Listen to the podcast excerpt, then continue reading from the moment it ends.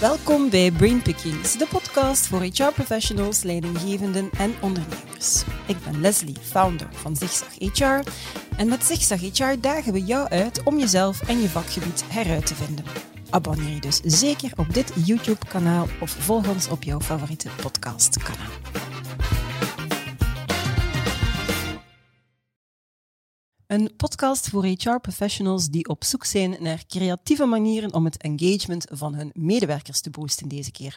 En ik heb daarvoor in het hoofd van Kobus van Geluwe, die vijf jaar geleden Funky heeft opgericht. Een matchingplatform tussen aanbieders van teambuildingactiviteiten en bedrijven die op zoek zijn naar originele events om de teamcohesie en het engagement van de medewerkers te boosten. Meer dan 400 activiteiten waar zowel KMO's als corporates op basis van vier criteria heel gericht kunnen zoeken naar het type event dat het beste past bij hun bedrijfsstrategie en bij hun portemonnee. Teambuildings organiseren, dat is zijn passie, dat mag duidelijk zijn. Net als voetbal trouwens, want ik heb mij laten vertellen dat hij vroeger bij AA Gent heeft gespeeld. Als je op zoek bent naar leuke manieren om jouw team te verrassen, blijf dan zeker het komende half uur hangen, want ik ben ervan overtuigd dat Kobus heel wat tips zal delen. Zelf ben ik ook heel benieuwd naar de impact van teambuildings op productiviteit, employee engagement, employer branding en retentie. Dag Kobus. Hey, dag Leslie. Alles goed met jou? Ja, ça va. Haha, helemaal klaar om uh, erin te vliegen? Zeker. Alright, dan gaan we dat gewoon meteen uh, doen. Hè. Zeg Kobus. Jij, um, jij hebt van jouw passie je beroep gemaakt op een ja, heel succesvolle manier bovendien, want op vijf jaar tijd is Funky echt wel uitgegroeid tot een, ja, eigenlijk van een enthousiast project en bijberoep naar een echt winstgevend bedrijf. Dan na een coronajaar zelfs de omzetwinst te, te verdrievoudigen, als ik het goed begrepen heb. -hmm. Neem ons eens mee zo naar het begin van je ondernemersverhaal. Wat maakt dat jij die gouden kooi hebt verlaten, wat heel veel mensen dus niet durven doen, blijkbaar? Ja. Um, het start natuurlijk uh, in mijn studententijd. Ik heb eerst uh, personeelswerk gestudeerd, mm -hmm. vandaar ook mijn interesse voor HR. Daarna uh, management in de non-profit gedaan. En dan gestart bij VDAB. Mm -hmm. bij VDAB tien jaar gewerkt in allerhande verschillende functies. Ik denk dat we daar elkaar nog we tegenkomen. Ja, ja, op evenementen. Hè. ja, Toen we ja. nog wekelijks naar evenementen gingen, je voor. De Work Action ja. Heroes, waar ik u mocht verrassen met een taart. Met de taart van Fons Leroy. ja. Oh, ja, en ik met de taart naar huis, nadien in de trein. Bon, ja. en uh, inderdaad, daar voornamelijk bezig geweest met de organisatie van events en beurzen bij VDAB. En ook de kans gekregen om een postgraduaat eventmanagement te gaan uh, volgen.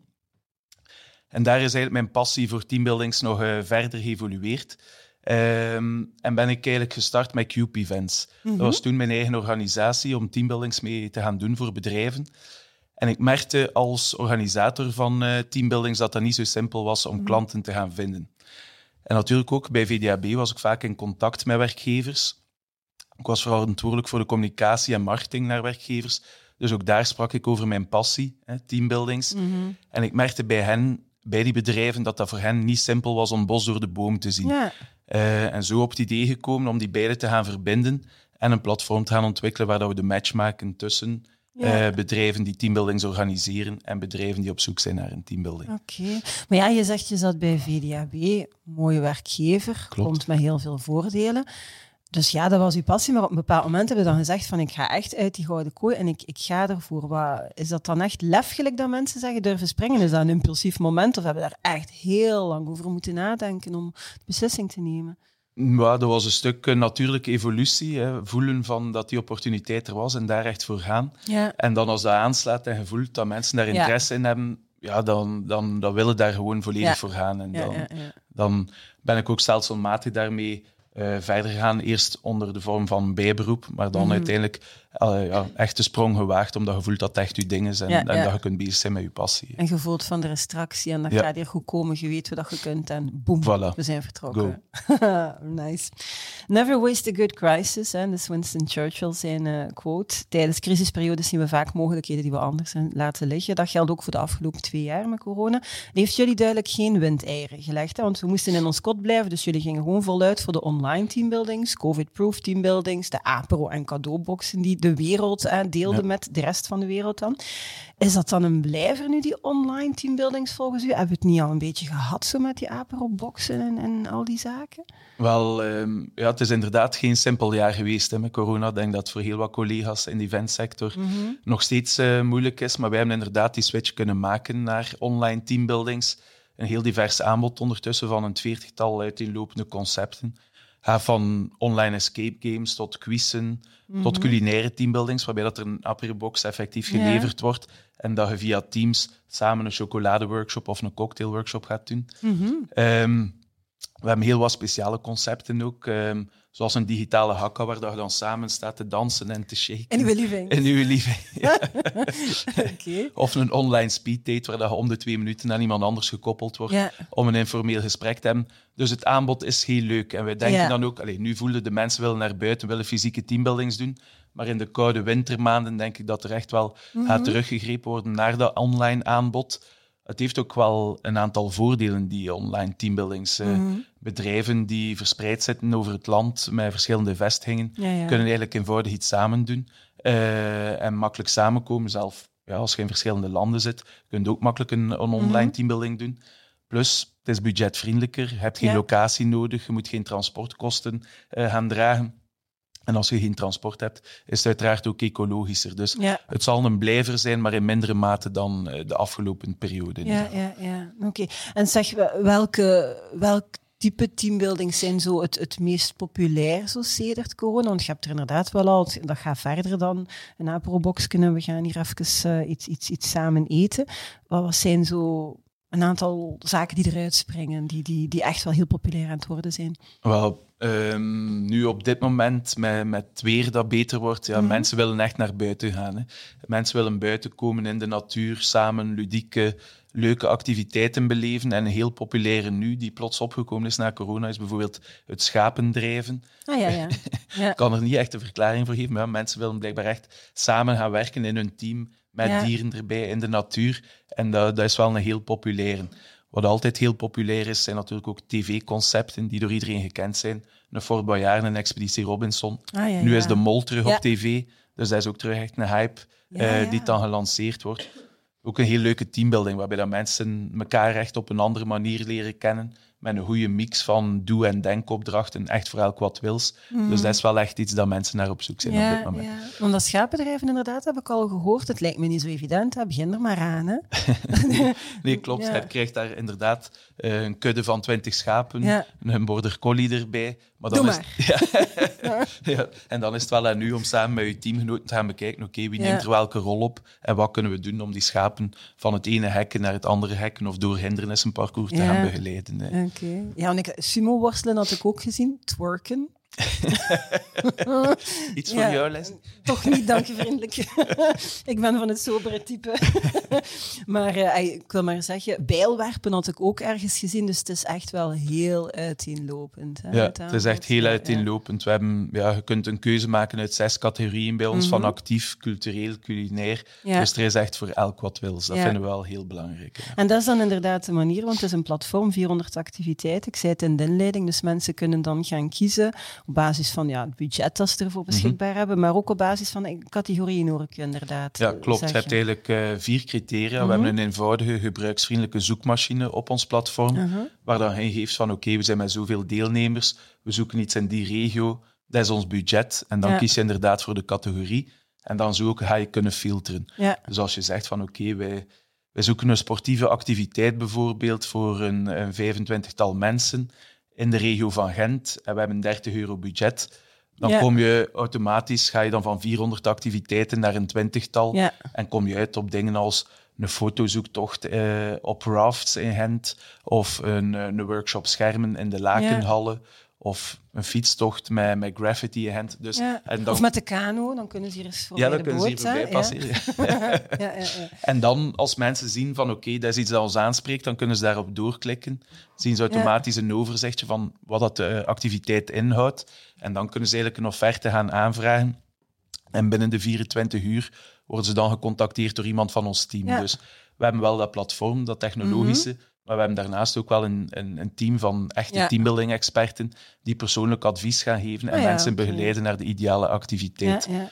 En naast die activiteit ook ja, een stuk mee gaan begeleiden in locatie, catering, eventueel transport en overnachting, zodanig dat we excuseer, Mhm. echt van A tot Z gaan Ja. Alles uitwerken voor onze klanten. Ja, knap. Inderdaad, de combinatie van technologie en dan die persoonlijke service.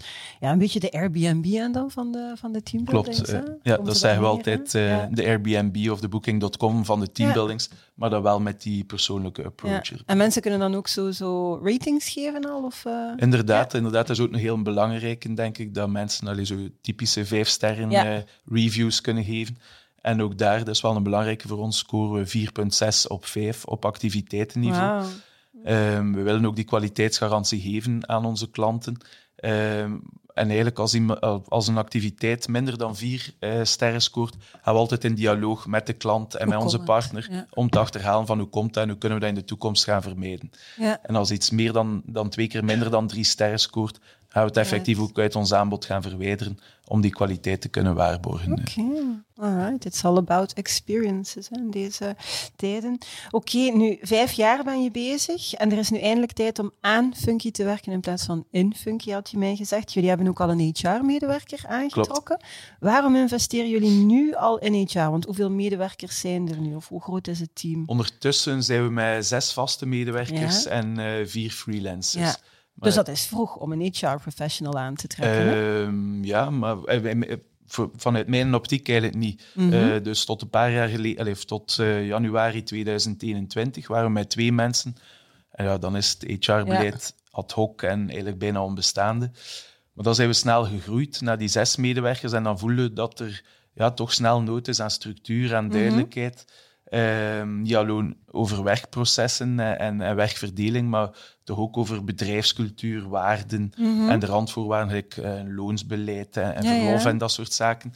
En toen hebben we eigenlijk vrij snel beslist om effectief een, een ervaren HR-manager eh, te gaan eh, aanwerven. Dat is dan Graciella, ja. die ehm, ja, al ruime ervaring heeft eigenlijk als kantoorverantwoordelijke bij Synergie. Ja. Die eigenlijk wel hoe haar weg kent in werving en selectie, heel belangrijk. Als, Ja, je, als je een groeiend team hebt, maar ook zeer sterk bezig is met well-being binnen het team. Dus Mhm. Dat is wel, eh, wel heel, een heel goede beslissing gebleken. hè. Ja, want ik vind het wel straf. Meestal wachten bedrijven iets te lang om, om iemand voor HR aan te trekken. Eigenlijk als het al een beetje te laat is, als ze voelen van oei, er is eigenlijk een probleem. En Mhm. mensen zitten niet meer op dezelfde golflengte. Gaan jullie dus niet voor hebben. Misschien ook omwille van uw achtergrond, omdat je heel bewust bent van het belang van, Ja, van HR. al moet ik wel eerlijk zijn dat wij ook wel zo die typische fases van een groepsvorming wel doorgemaakt hebben. En dat ik dacht van oké, inderdaad, ik heb die een achtergrond, ben een sociale mens, er komen mensen bij, dat gaat wel heel vlot gaan. Mhm. Maar zo echt die, die storming, norming, performing fase, daar zijn we ook wel echt doorgegaan. En dat voelde nu, ja, dat er echt zo, nu dat we dingen geïnstalleerd hebben, gelijk dagelijkse check-ins en maandelijkse one-on-ones, ja. eh, per kwartaal een strategiemeeting, dat echt wel ervoor zorgt dat de neuzen in dezelfde Ja, ja. richting blijven en dat iedereen aan hetzelfde ziel trekt. Ja, oké, heel belangrijk, heel mooi. Ehm, je sprak er net ook over de waarden, het belang van die, die waarden, de cultuur, dat zijn dan die funky factors. Kan je daar iets meer klopt. over eh, Eh, vertellen? Wel, we hebben eigenlijk vier funky factors, vier drie-letterwoorden. De Mhm. fun, de wow, de huk en de tip. Mhm. Eh, en dat zijn eigenlijk oorspronkelijk waren dat de vier criteria waar dat we de activiteiten die op ons, plot, op ons platform kwamen, eh, op, op basis daarvan evalueerden. Dus een activiteit die moet plezant zijn, uiteraard. Mhm. De fun, dat zit in onze, in onze naam, in ons DNA. moet verbazend zijn, dat is de wow-factor. Het moet iets origineel zijn, iets anders dan dat, dan dat je normaal doet. Eh, het moet natuurlijk ook verbindend zijn, dat is Mhm. de huk-factor. Uiteindelijk moeten de mensen elkaar beter leren kennen en beter samenwerken. En dan de tip of de top, dat slaat op de prijs-kwaliteitsverhouding. Ah ja, oké. En uiteindelijk zijn we dan met ons team aan de slag gegaan om die externe waarden te gaan vertalen naar interne waarden. En zijn we samen gaan nadenken van, ja, wat betekent dat nu voor ons? De fun staat dan uiteindelijk nu bij ons voor positivisme, er altijd voor blijven gaan. Mhm. In het Gent zeggen ze niet neuten, niet pleuien. Ken dat. Eh, dus dat is een heel belangrijke voor ons. Dan de wow is uw engagement dat je er echt voor gaat voor het Ja. bedrijf. Ehm, de huk is dan ja, het elkaar helpen, het samenwerken, Mhm, er samen het voor gaan, ja. het teamgevoel. En dan uh, de top is echt het, de kwaliteit willen leveren aan de klanten en er echt willen ja, samen voor gaan, inderdaad. Oké, ja, mooi hoor. Heel goed. Ja, doordacht, het klopt. Het klopt. Ja, dus ja. ik vind het leuk dat we het externe en het interne kunnen koppelen en dat iedereen dat, dat op die manier kan uitdragen. Absoluut. En zo gaat het inderdaad ook helemaal uitdragen naar die eindklant toe, wat niet onbelangrijk ja, is. Zeker, zeker.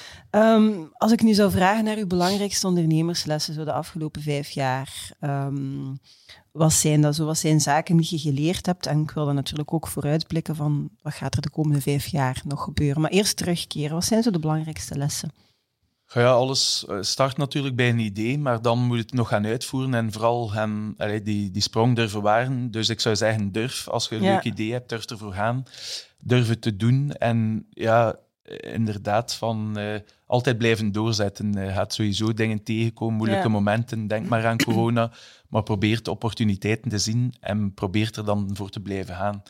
Wat voor mij ook een heel belangrijke was als ondernemer, kwam al een stukje terug van investeren in mensen, hè, investeren in dat team. Trek goede, competente mensen aan die enthousiast zijn, mhm.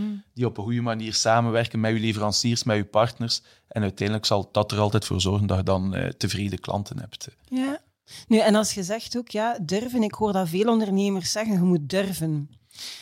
Ja, springen. En ik, ik ben ook een ondernemer en ik, heb, ja, ik heb het denk ik op een andere manier gedaan. Ik voelde ook wel dat er iets was. Maar bij het springen, ik zeg altijd tegen anderen, je moet maken als je springt dat je niet te pletter springt in dat zwembad. Dus dat er een beetje water in zit. En dat beetje water, dat kan je netwerk zijn, dat je weet van er zijn klanten, hè, er is hier tractie. Of dat kan een financiële buffer zijn. Ja, als ik daarop terugblik, ik was vooral rotsvast overtuigd van het feit, er was heel veel tractie rond zich, zeg ik. Ja, ik ben erin gesprongen, maar als ik daar nadien even nuchter over nadenk, denk ik van, oh, maar dat was toch eigenlijk vrij impulsief. Ik heb ik gewoon een, een BVBA destijds opgestart en al dat geld dat ik nog, al dat geld, het geld dat je nodig hebt om dat op te starten, privé, boem. En ik was vertrokken. Er zit daar ook wel ergens een risico in, dat we, hey, we mogen mensen niet aanzetten tot ondernemen zonder dat ze daar goed genoeg over nadenken. Mhm. Dus ja, in dat opzicht, uw achtergrond, jij waren al een tijdje bezig, vind ik ook wel belangrijk om, uh, om mee te geven. Hè.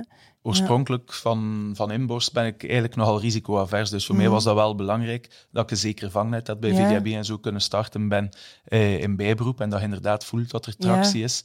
En ja, die salesmachine in gang trekken en voelen dat er klanten zijn en dat die klanten tevreden zijn, dat geeft alleen maar de boost inderdaad om er verder mee te gaan. Dus dat is en dan volhouden, hè, dat je zegt. Maar ja, er is geen andere optie als ondernemer. Ik kan niet zeggen van ik ga bellen, ben ziek, het lukt niet vandaag. Is doordoen. Hè. Het is gaan, ja, gaan. Blijven gaan, niet neut, niet pleuren. um, zeg, oké, dus dat is wat je eigenlijk geleerd hebt. Wat zijn zo de ambities waar we de komende vijf jaar nu nog op, uh, op inzetten dan? Wel, voor ons nu het belangrijkste op korte termijn is de lancering van Funky Biz. Mhm. Dat is eigenlijk eh, een nieuwe dienstverlening die we recent ontwikkeld hebben, waarbij dat bedrijven hun eigen gepersonaliseerd teambuilding management platform krijgen. Mhm. Dus echt hun beleid kunnen vorm, vormgeven met, met die een tool. Um, dat hebben we gelanceerd bij Proximus, die daar nu uh, al mee aan de slag is. En recent ook eigenlijk bij Groep S en bij de Kronos groep. Okay. Um, en eigenlijk nu, dit jaar, willen we dat Ehm, echt op de markt gaan brengen bij een twintigtal grote corporates zodanig dat die ook feedback kunnen geven en dat we dat, die een tool verder kunnen gaan optimaliseren. En dat we echt de tool hebben om het employee engagement te gaan stimuleren en te gaan meten bij grote bedrijven. Want dan moet ik mij dat dan voorstellen, dat is dan gelijk een filter die bovenop dat platform van die 400 activiteiten gelegd wordt, waar er een selectie uitkomt. En daar kan iedereen binnen dat bedrijf dan uit kiezen? Of, het is eigenlijk eh, een white label platform, dus ze kunnen het volledig gaan personaliseren met hun logo, met, met hun huisstijl. Maar dan kunnen ze inderdaad ook een preselectie gaan maken mhm. uit ons aanbod van activiteiten. Dus op basis van hun waarden, van hun uh, vereisten, kunnen ze daar eigenlijk een filter op gaan instellen. Wat ook belangrijk is, is dat ze eigenlijk een monitoring tool hebben. Ze kunnen budgetten gaan toekennen voor bepaalde diensten. En ze kunnen gaan opvolgen, oké, welke diensten hebben effectief de budgetten al gebruikt? Wel, uh, hoe, hoe, hebben zij de, de, de activiteiten die ze gedaan hebben, hoe evalueren ze die? En op die manier kunnen ze eigenlijk aan hun teambuildingbeleid een stuk in beeld gaan brengen met onze tool. Ja. Maar, knap. Um, nu, uw, visie op HR en engagement vind ik ook wel belangrijk. Zeker omdat je ja, hebt in een achtergrond, je zit er duidelijk heel sterk mee bezig. Je, je, je, ja, je komt ook vrij veel in contact met HR-professionals, vermoed ik eh, vanuit Funky dan. Hoe, zie jij HR en engagement evolueren? Hoe heb je het zien evolueren en wat zie je gebeuren? Wat valt jou zo allemaal op? Wel, um, ja, bij ons, onze missie is, is, is heel duidelijk. Hè, van oké, wij willen het engagement van medewerkers gaan uh, verhogen door ze unieke ervaringen samen te laten beleven. Uh, en we merken ook in onze contacten met HR-managers dat iedereen daar al van overtuigd is. Mm -hmm. eigenlijk. eigenlijk moeten wij de bedrijven niet meer gaan overtuigen van het belang van teambuilding. Iedereen weet als je mensen unieke ervaring samen laat beleven, dat dat zorgt voor uh, samenhorigheidsgevoel, voor een, een, groepsdynamiek en uiteindelijk leidt tot betere resultaten. Mm -hmm. Daarom zetten we daar zelf ook zo sterk op in. Elke maand hebben we een monitoring meeting waar dat we eigenlijk mensen uh, ja, hun individuele bijdrage gaan evalueren en, en gaan kijken naar welke gemeenschappelijke doelen hebben we nu samen bereikt en waar mm -hmm. staan we. En dan koppelen we dat altijd ook aan, aan een teambuilding. En dan voelt ook de vibe uh, die ontstaat, dat groepsgevoel, daar kun je echt nog een lange tijd verder ja. op teren als je dat kunt creëren bij de mensen. Uh. Ja, dus jullie passen eigenlijk ook zelf heel hard toe dat jullie ja. naar de... Practice what ja, you preach vinden we wel heel belangrijk. Ja, ja, ja, dus maar jullie zijn eigenlijk ervaringsdeskundigen als het gaat over teambuildings. Wat vond je eigenlijk zelf de tofste teambuilding dat je al gedaan hebt? Oh, dat is een moeilijke... Uh, ja, de, de laatste wat we gedaan hebben was eigenlijk een, een, een online teambuilding, waarbij dat we uh, acteurs moesten helpen ontsnappen uit een uh, gevangenis uh, in Breda. Het mm -hmm. was wel een heel toffe om op die manier eigenlijk een hans nieuw concept van online teambuilding te gaan beleven. Maar we, we hebben ook al op opblaasbare attracties uh, gezeten met Hans het team. en uh, ja, hier ook in Gent natuurlijk verschillende ja, ja. dingen gedaan. Een fietstocht en een graffiti workshop en dergelijke. Eigenlijk ja, ook heel breed, zodanig dat we mm. binnen ons team voor elk wat wil zijn. Ja, het is altijd weer fun uh, gegarandeerd. Ja, en twerken nog niet gedaan, nee. Twerken hebben we zelf nog niet gedaan. ik, vind het een heel, ik vind een heel bijzonder. En ik ben heel benieuwd naar het eerste bedrijf die gaat zeggen, we hebben een teambuilding twerk gedaan. ze zijn er, ze zijn er al. Ja, het is al regelmatig geboekt geweest. Ah, Oké. Okay. Nee, we komen allemaal uh, heel veel wijzen tegen hè, op ons pad. Mensen door wie dat we ons laten inspireren op een of andere manier. Ja, je bent een voetbalman, uh, als ik, ik weet, noemt je dat zo'n voetbalfan, een, voet, een voetballer? ik, uh, ik, ik heb niks met voetbal en niks met Oei, oei. oei, oei. Maar ik heb er ook niets tegen. Ik heb er ook niets tegen. Hè. maar ik kan me inbeelden dat je je inspiratie als ondernemer dan misschien ook uit voetbalwereld haalt of uit um, andere domeinen. Ja, nee, nee, nee. Zeker ook uh, uit voetbal. Um, allee, bijvoorbeeld uh, het legendarische nummer 14. Niet toevallig ook mijn rugnummer, mijn geluksgetal. Ik ben de 14e nee. mei geboren. Mm. Uh, ik weet niet of dat hem... Oh, binnenkort, ja. Ja, ja, ja, ja. 41 word ik alweer. Ja, ik weet niet, het legendarische nummer 14... Nee. nee. is dat dramatisch? Oh. Johan Cruijff. Ah, Johan ja, Cruijff. ja, maar Johan ken ik natuurlijk. Ja, ja, ja. ja, ah, dat was oké. Okay. Ja, de, dat was uh, de, de nummer 14. Uh, natuurlijk een virtuoos op het voetbalveld, maar dat was een beetje van voor mijn tijd. Ik ken hem vooral als trainer bij Barcelona in de gouden periode met uh, Koeman, uh, Romario. Wat hij eigenlijk ja, fantastische coach en motivator ook was. Ik weet niet of je de anekdote kent van Romario. Waarschijnlijk Vertel, niet. Vertel, nee, je moet mij er nu niet afschilderen als een absolute, ook al is dat zo. Vertel. Oh, dus um, Romario um, keek heel erg uit naar het carnaval in Rio. Mm -hmm. uh, en hij wou bij zijn familie zijn. En hij, had, hij was naar Johan Cruijff gestapt en hij vroeg, ja, kan ik, kan, mag ik dat doen? Mag ik daarbij zijn? En hij had hem gemotiveerd door te zeggen, kijk, als je de volgende match, heel belangrijke wedstrijd, als je twee doelpunten scoort, uh, dan mocht je gaan, ja. dan uh, geef ik u vroeger vrij af en mocht je bij je familie zijn. Heel, uh, en natuurlijk, Romario super gemotiveerd. Na een kwartier had, al, had hij al twee keer gescoord. hij krijgt een applausvervanging nog voor de rust en hij mocht het vliegtuig op naar Brazilië. Wow, ja. Dus dat is uh, voor mij wel ook een heel belangrijke geweest, een heel inspirerende, mm -hmm. om te zeggen van oké, okay, heeft u mensen in uw team de vrijheid, heeft ze duidelijke doelstellingen. Ja, maar ja dat heeft, werkt. Een, ja, ja, geeft ze een doelstelling. Ze maar laat ze de vrijheid om, om, om, om dat te bereiken en motiveer ze ook uh, ja. met, met, met, met een mooie beloning. Dus wij hebben nu ook als, als doelstelling gezet voor dit jaar van oké, okay, we willen uh, gaan verdubbelen, we willen dubbel zoveel mensen een unieke teambuilding geven. En als we daarin slagen, dan gaan we ook met Hans het team op teambuilding naar Ibiza. Oh jong, ja. en ik voel ook wel echt dat dat Ja. leeft in het team en dat iedereen daar wil voor gaan. Dat dus dat is echt zijn. iets om naar uit te kijken. Ik wil ook naar ja, maar het is... ehm, ik weet niet meer op welke workshop of welk event dat was. En ehm, dat was met... met ehm, oh, Ivan de Witte, nee, van Gent. Was Ja, dat is de voorzitter van Gent. Ja. En die sprak ook over het belang, want het was eigenlijk gekoppeld aan een reward-strategie. Van moet je nu eigenlijk belonen op korte termijn of op lange termijn? Moet je het individu belonen of het team? En die heeft toen ook een aantal anekdotes verteld naar voetbal. En die zei van bij voetballers is het heel belangrijk om die op korte termijn te motiveren. Ja. Je moet niet zeggen we willen eigenlijk kampioen worden. Ja, tuurlijk willen we dat. Maar het is de volgende keer dat we moeten. En ja, op heel korte termijn mensen motiveren, iets in het vooruitzicht stellen. En kijk, het heeft duidelijk gewerkt bij Romario ook. Ja, ja, zeker. En bij ons team werd hij inderdaad ook die target op lange termijn naar Ibiza samen te kunnen gaan. Maar, Maar op ook- korte termijn moeten ze. Ja, op korte termijn doen we ook maandelijks. Allee, spreekt iedereen een engagement uit van Ja. oké, ik ga daarvoor gaan deze maand. En dan koppelen we daar ook een beloning of een Ja. ludieke tegenprestatie aan. Bijvoorbeeld als je het niet haalt, dan dat je de komende maand elke week soep voorziet voor het hele team bijvoorbeeld. Ja, zalig. Oké, ik ben heel benieuwd als jullie naar Ibiza gaan. Wij gaan trouwens met Zigzag HR, maar ik zeg dat eigenlijk al twee jaar en toen was corona daar. Wij gaan ook naar Ibiza gaan. Ah, Het cool. zal, eh, ja, ja, en er zijn daar een aantal ondernemers die ik ken, dus eh, ja. Dus Ah. ehm, ja, Kan misschien moeten we dat eh, samen doen. Ja, moeten we kijken of dat er daar eh, complementariteit is en Synergie is, samen iets eh, op zetten. Goed, nog mensen bij wie dat je mosterd haalt, ongetwijfeld, maar misschien dat je, die je ook nog wilt benoemen, of is dat zo voor jou het belangrijkste? Ja, dat is wel het Ja. belangrijkste inderdaad. Ja. Oké. Goed, om, om af te sluiten. Een ultieme takeaway voor HR-professionals die luisteren of kijken. Wat kunnen zij volgens jou het beste doen om talent op een duurzame manier aan te trekken en vooral ook aan zich te binden? Ehm, Ik denk dat ik daar een beetje naar dezelfde, eh, of teruggrijp naar die ondernemerslessen. eh, Mhm. vooral van investeren in mensen, investeren in uw medewerkers. En zorg ervoor dat iedereen zich kan identificeren met, met de bedrijfscultuur. En dat de Mhm. mensen zich goed voelen bij het team en bij de collega's. En natuurlijk, als je af en toe een teambuilding doet, kan dat er alleen maar eh, toe Ja. bijdragen, denk ik. Ja, ja. oké, helder. Dankjewel. Ik vond het een heel boeiend en een heel eh, fijn gesprek. Dus eh, merci dat ik in uw hoofd mocht kruipen, Kobus. Heel graag gedaan.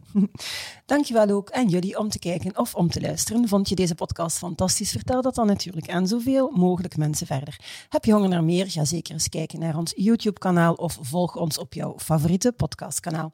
Het allerbelangrijkste weten jullie al: it's a great time to be in HR. Tot de volgende!